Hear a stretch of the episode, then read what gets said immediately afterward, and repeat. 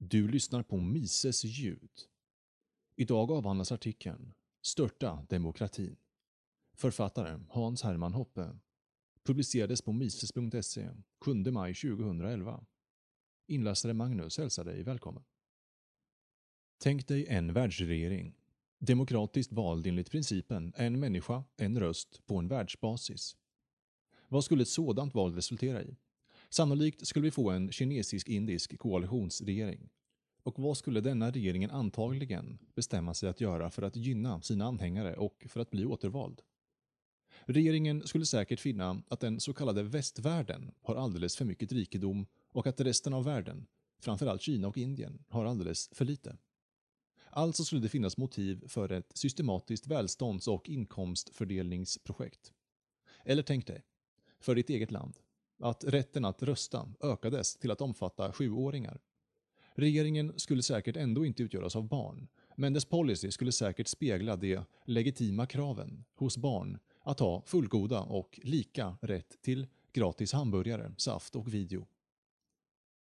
I ljuset av dessa tankeexperiment finns det något tvivel om konsekvenserna av demokratiseringsprocessen som började i Europa och USA på andra halvan av 1800-talet och förverkligades sedan slutet av andra världskriget. Den successiva expansionen av privilegier och slutligen etablerandet av en allmän rösträtt för vuxna gjorde inom varje land vad en världsdemokrati skulle göra för hela världen. Den satte en till synes permanent ökning av välstånds och inkomstfördelningen i rullning. En man, en röst, kombinerat med frivilligt deltagande i regeringen, demokrati, betyder att varje person och dennes privata egendom kommer inom räckhåll och blir gripbar för alla andra. En allmänhetens tragedi skapas. Man kan förvänta sig att majoriteten oägare obevikligt försöker berika sig själva på minoriteten ägares bekostnad. Detta betyder inte att det kommer att finnas endast en klass oägare och en klass ägare, eller att omfördelningen endast sker från de rika till de fattiga. Tvärtom. Medan omfördelningen från rik till fattig alltid spelar en stor roll överallt vore det en sociologisk blunder att anta att det kommer att vara den enda, eller ens den övervägande formen av omfördelning. När allt kommer omkring, de permanent rika och de permanent fattiga, är oftast rika eller fattiga av en anledning. De rika är generellt skärpta och flitiga, och de fattiga är oftast tröga, lata eller både och. Det är inte troligt att de tröga, även om det är en majoritet, systematiskt kommer att överlista och förkovra sig på den skärpta och driftiga minoriteten. Snarare kommer omfördelningen att ske inom gruppen icke-fattiga. Och det kommer oftast att vara de som redan har det bra, som lyckas bli understödda av de som har det sämre. Tänk bara på det nästan överallt rådande praktiserandet av att erbjuda gratis universitetsutbildning. Där arbetarklassen, vars barn sällan läser på universitetet, tvingas betala för utbildningen av medelklassens barn. Dessutom kan man förvänta sig att det kommer att finnas många konkurrerande grupper och koalitioner som försöker kapa åt sig fördelar på andras bekostnad.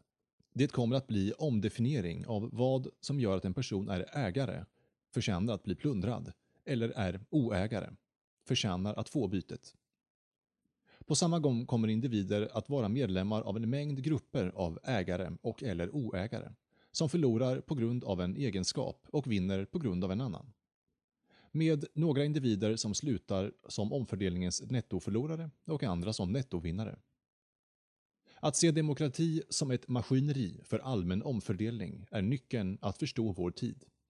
Förenat med en av de mest grundläggande principerna inom nationalekonomi medför detta att man i slutändan får mer av vad som subventioneras. All omfördelning, oavsett vad som utgör måttstock, innefattar att ta från de ursprungliga ägarna och eller producenterna det som äger någonting och ge till de som inte äger och eller inte producerar. Incitamenten att vara en ursprunglig ägare eller producent minskar och incitamenten att vara en oägare och icke-producent ökar. Följaktligen som resultat av att subventionera individer för att de är fattiga kommer fattigdomen att öka. Om man subventionerar de som är arbetslösa kommer arbetslösheten att öka. Att stödja ensamstående mödrar med skattemedel ökar antalet ensamstående mödrar, födda utanför äktenskapet och skilsmässor. Genom att förbjuda barnarbete flyttas inkomsten från familjer med barn till barnlösa personer. Som ett resultat av laglig begränsning av tillgång på arbetskraft kommer lönerna att öka. Således kommer barnafödandet att minska. Å andra sidan, genom att subventionera utbildning för barn skapar man en motsatt effekt. Inkomsten flyttas från barnlösa och de med få barn till de med många barn. Barnafödandet ökar. Alltså minskar återigen värdet av barn och barnafödandet kommer att minska som ett resultat av det så kallade välfärdssystemet. För genom att stödja pensionerade, de äldre, med skattemedel från de arbetande, de unga, försvagas systematiskt familjen. Det generationsöverbyggande bandet mellan föräldrar, far och morföräldrar och barn. De äldre behöver inte längre lita på att barnen hjälper till om de inte har förberett sig ekonomiskt för sin ålderdom. Och de unga, ofta med lite sparmedel, måste stödja de äldre, ofta med mer sparmedel. Snarare än tvärtom, som vanligt är inom familjer. Föräldrars önskan att skaffa barn och barns önskan att behålla sina föräldrar minskar. Familjer bryter upp och antalet icke-fungerande familjer kommer att öka. Och sparande och kapitalskapande kommer att minska medan direkt konsumtion ökar. Genom att subventionera sjuka, neurotiska, oaktsamma, alkoholister, drogmissbrukare, aidsinfekterade och fysiskt och mentalt handikappade med försäkringsregleringar och obligatorisk sjukvårdsförsäkring skapar man mer sjukdom, neuroser, oaktsamhet, alkoholism, drogberoende, aidsinfektioner och fysiska och mentala handikapp. Genom att tvinga icke-kriminella, inklusive brottsoffren, att betala för fängslandet av kriminella, snarare än att låta kriminella kompensera sina offer och betala hela kostnaden för gripandet och fängelsevistelse, kommer kriminaliteten att öka.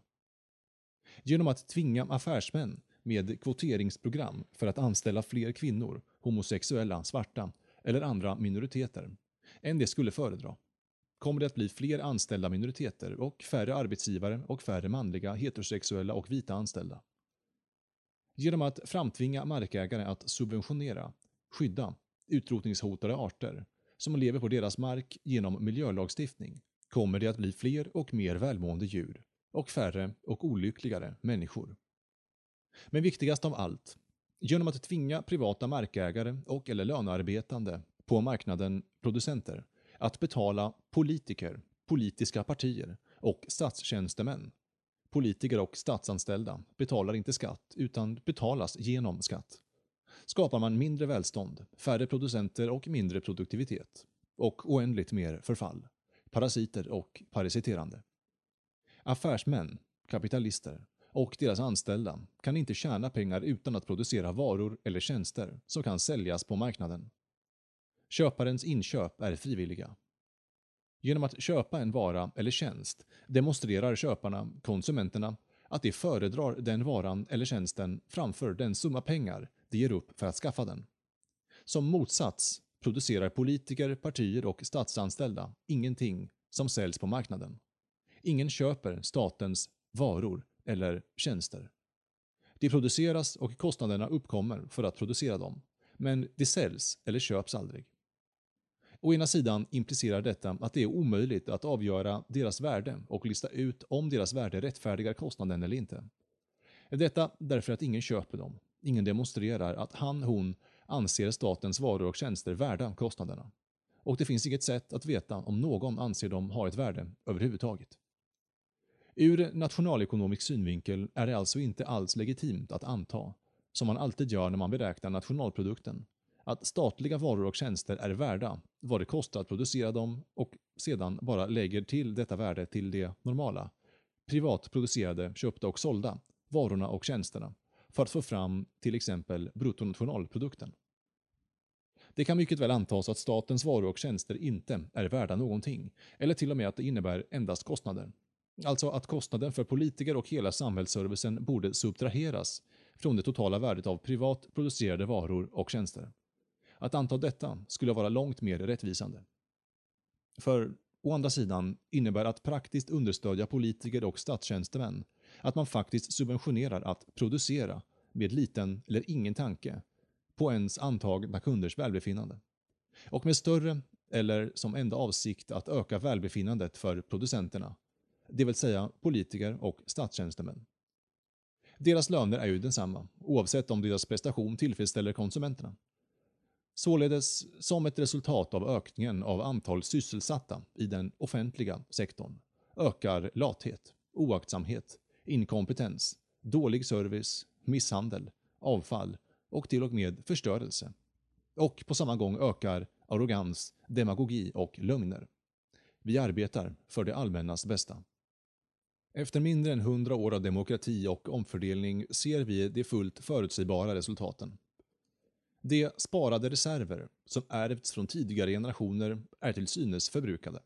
I flera decennier, sedan slutet av 60 eller början av 70-talet, har levnadsstandarden stagnerat eller till och med minskat i västvärlden. Den offentliga skulden och kostnaderna för befintliga välfärds och sjukvårdsprogram har medfört risk för en nära förestående ekonomisk härdsmälta.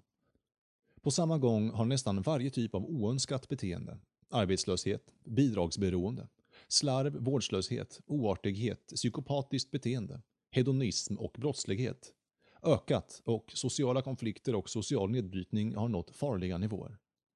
Om trenden fortsätter är det riskfritt att säga att västvärldens välfärdsstat, socialdemokratin, kommer att kollapsa på samma sätt som före detta östblockets socialism av rysk typ kollapsade på slutet av 80-talet.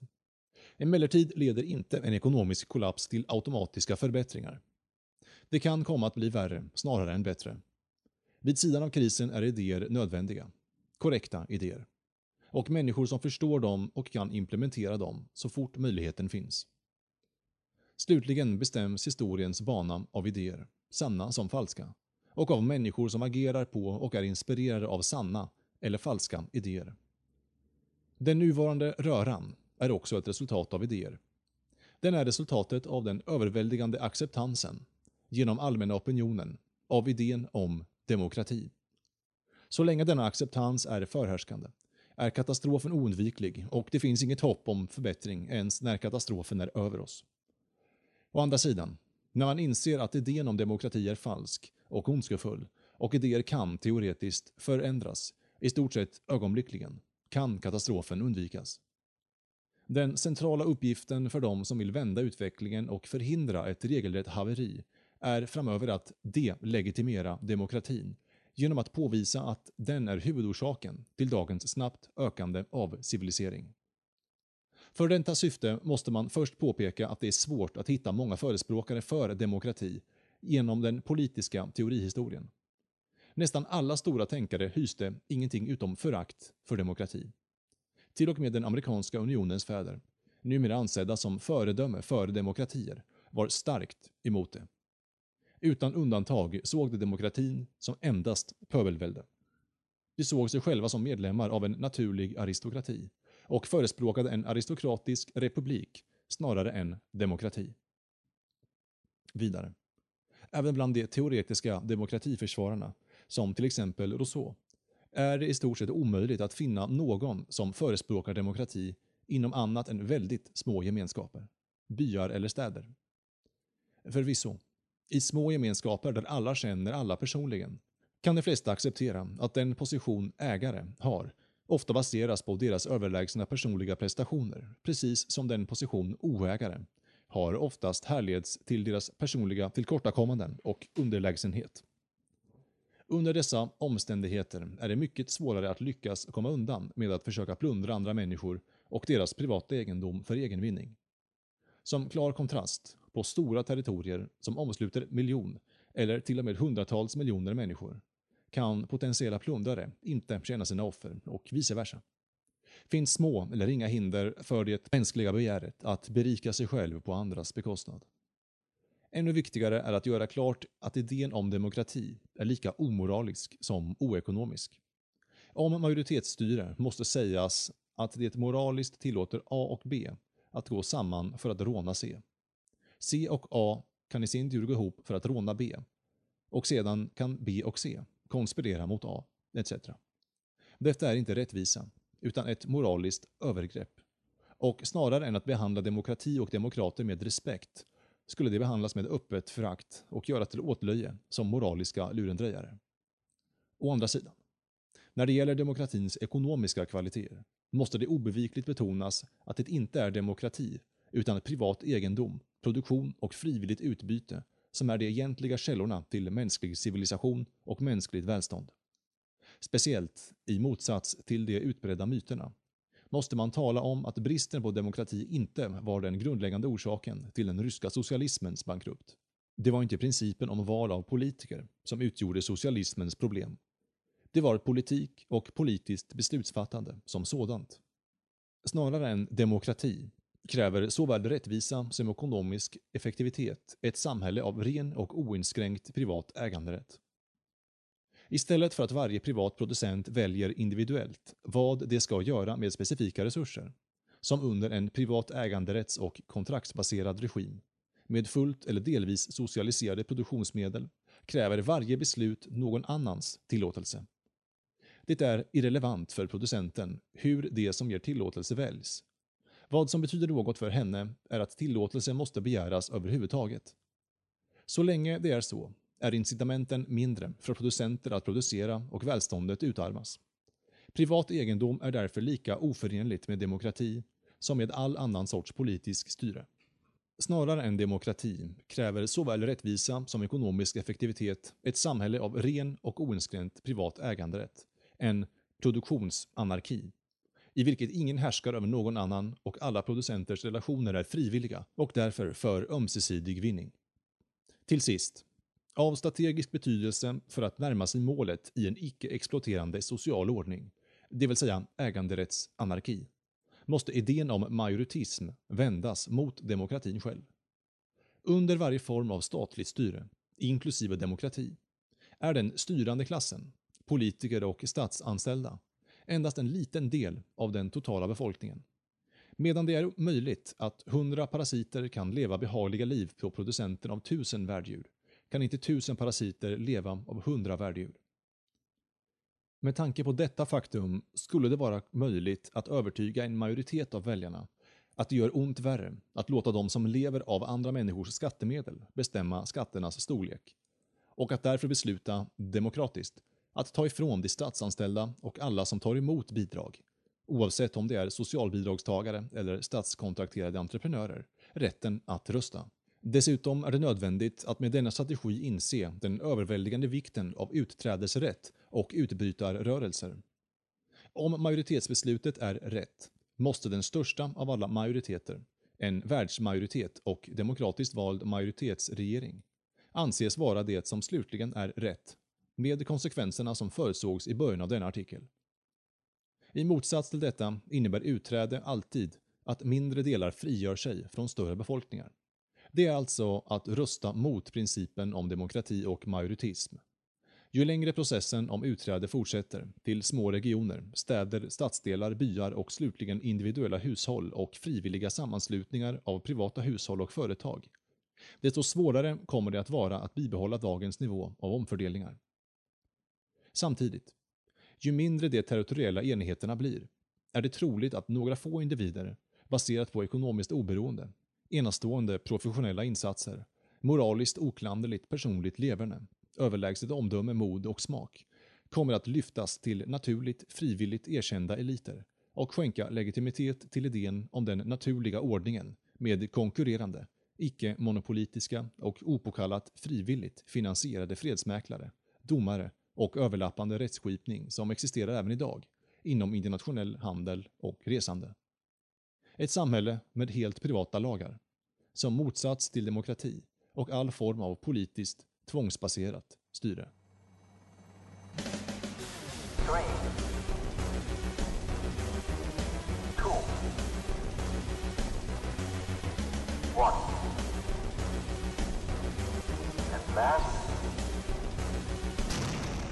Don't put your trust in politics and political parties.